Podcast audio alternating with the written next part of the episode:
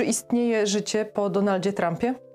Takie pytania zadają sobie dzisiaj amerykańscy publicyści. Podczas gdy Joe Biden i Kamala Harris w, w swoich pierwszych wypowiedziach po zwycięstwie odmieniają przez wszystkie przypadki słowa takie jak jedność, nadzieja, naprawa, no to media rozpisują się na temat tego, które pierwsze posunięcia Trumpa będą musiały być odkręcone zaraz po tym, jak nowy prezydent obejmie władzę. Polska może się przeglądać w tej dyskusji, dlatego że nasi rodzimi publicyści przecież nie od wczoraj zastanawiają się nad tym, co trzeba będzie zrobić, jakie kroki, na przykład prawne, trzeba będzie wykonać, jeżeli Prawa i Sprawiedliwość przegra następne wybory.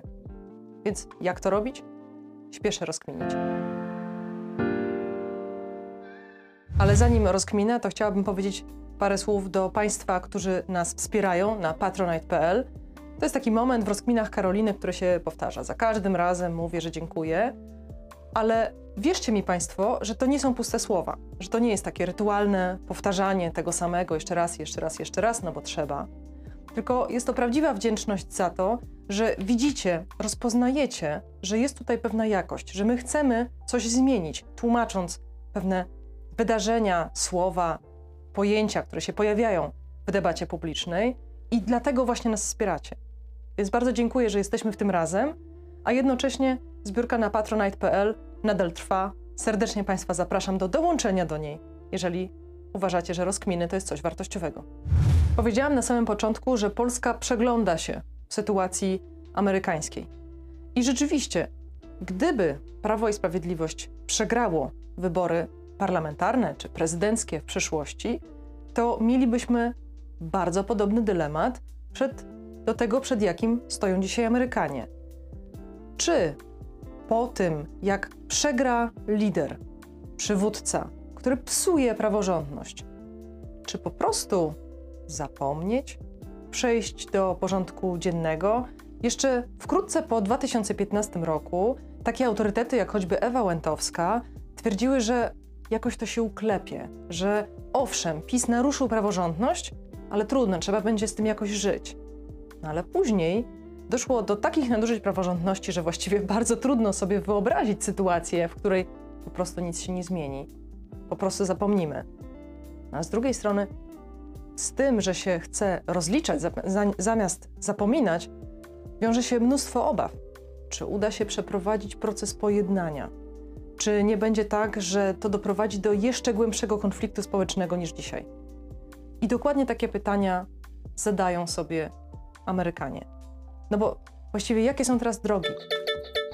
Coś, co się tak narzuca i bardzo często narzuca się to liberalnym demokratom, jako osobom, które, którym zależy na spójności i zgodzie społecznej, to jest po prostu do pewnego stopnia machnąć ręką. No trudno, zapomnijmy. Tak było, ale może zajmijmy się tym, co przyniesie przyszłość, bo to jest ważniejsze, to wszystko przed nami. No ale publicyści amerykańscy zwracają uwagę, że tego rodzaju zachowania w historii najnowszej tego kraju nie były najlepszym pomysłem. Na przykład prezydent Gerald Ford ostatecznie dał się wywinąć z odpowiedzialności Richardowi Nixonowi. A Barack Obama i jego administracja na dobrą sprawę nie pociągnęły do odpowiedzialności administracji George'a W. Busha. Czy tak należy robić? Są przykłady z najnowszej historii, które świadczą o tym, że może niekoniecznie. Jednym z takich przykładów jest oczywiście prezydentura w zupełnie innym kraju, czyli w Rosji, Borysa Jelcyna, który na dobrą sprawę zrezygnował z tego, żeby rozliczyć swoich komunistycznych kolegów. I cóż się potem stało? Poprzez to, że nie dokonano daleko idącej, głębokiej dekomunizacji, rozliczenia komunistycznego ZSRR, ostatecznie po niewielu latach wygrywa Władimir Putin, który przynosi ze sobą z powrotem najgorsze nawyki polityczne właśnie wzięte z tego samego ZSRR. Przykłady zresztą można mnożyć i nasz kraj nie jest tutaj odosobniony.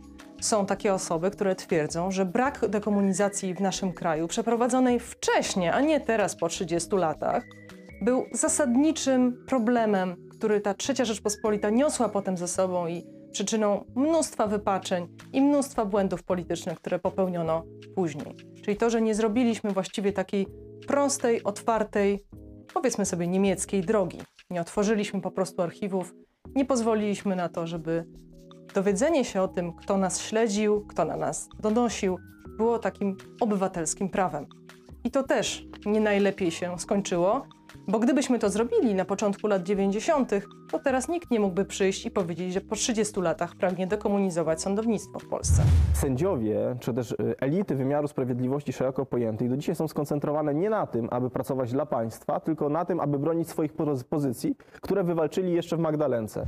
No i mamy jeszcze jedno narzędzie w Polsce, którym wszyscy politycy bardzo lubią się straszyć, czyli Trybunał Stanu. No ale wiemy, że jeżeli jedną osobę się postawi, to potem już wszyscy będą chcieli stawiać swoich przeciwników politycznych. Więc to pozostaje taką wiszącą w powietrzu groźbą. Więc powiedzmy sobie, że zapomnienie w sytuacji, kiedy odbywa się psucie państwa, nie musi być dobrym pomysłem. Zresztą, jeżeli chodzi o ocenę Donalda Trumpa i jego działalności, to różni publicyści amerykańscy nie przebierają w słowa. Nazywają go okrutnym, pełnym ignorancji przywódcą, no i oczywiście osobą, która dokonała takiego autorytarnego skoku na instytucje amerykańskiej demokracji. I to jest trauma, mówią. To jest trauma społeczna i tę traumę należy przepracować. Nieprzepracowanie tej traumy skończy się wyłącznie przenoszeniem tej traumy dalej, no i dalej przenoszeniem złych nawyków, które Trump wprowadził. Ale jaka jest alternatywa? Alternatywą jest rozliczenie. No to brzmi bardzo szumnie, ale co to właściwie znaczy rozliczenie? To znaczy, że co? Komisja śledcza? O jaki rachunek chodzi, panie przewodniczący? E, No właśnie nie wiem o jaki rachunek. No to jak pan nie wie, to jak pan nie wie o jaki rachunek chodzi, to po co pan o, o niego pyta? Raczej nie. Tutaj chodzi bardziej o to, żeby ta nowa administracja stworzona przez Joe Bidena i przez Kamalę Harris stała się takim projektem narodowego rozliczenia. Tutaj mowa jest o bardzo wielu instytucjach. Mowa jest o tym, żeby prowadzić oczywiście komisje śledcze, ale oprócz tego, żeby prowadzić przesłuchania, żeby prowadzić procesy, żeby wprowadzić coś w rodzaju paneli obywatelskich, które będą miały za zadanie zawierać ze sobą kompromis. Czyli chodziłoby o to, żeby objąć całe społeczeństwo amerykańskie pewnym procesem, gdzie ludzie należący do tego społeczeństwa muszą dokonać pewnego wspólnego przejścia z punktu A do punktu B, pracy nad tożsamością. Co by to właściwie mogło przynieść? Czy rozliczenie to znaczy wyłącznie wyciągnięcie odpowiedzialności karnej? Gdyby tak było, to rozliczenie będzie takim działaniem pełnym zemsty, prawda? Joe Biden i Kamala Harris pokażą się tutaj jako Avengersi, ale niezbyt przyjaźni Avengersi. Ale jest też inny sposób działania, to znaczy spróbować myśleć o rozliczeniu jako czymś, co może przynieść pojednanie. Ale pojednanie tylko pod warunkiem rozliczenia, a nie pojednanie po zapomnieniu. I co wtedy musiałoby się dziać? Wtedy musiałoby to oznaczać, że taki narodowy projekt rozliczenia dąży do tego, żeby wysłuchać, żeby wyciągnąć rękę, żeby dopuścić do debaty głosu, głosy, które dotąd nie były wyraźnie słyszalne. Żeby wreszcie zrozumieć bardzo dokładnie, skąd wzięła się wygrana Donalda Trumpa w 2016 roku, jakie ona miała społeczne przyczyny, tak żeby to społeczeństwo mogło uczyć się na własnych błędach.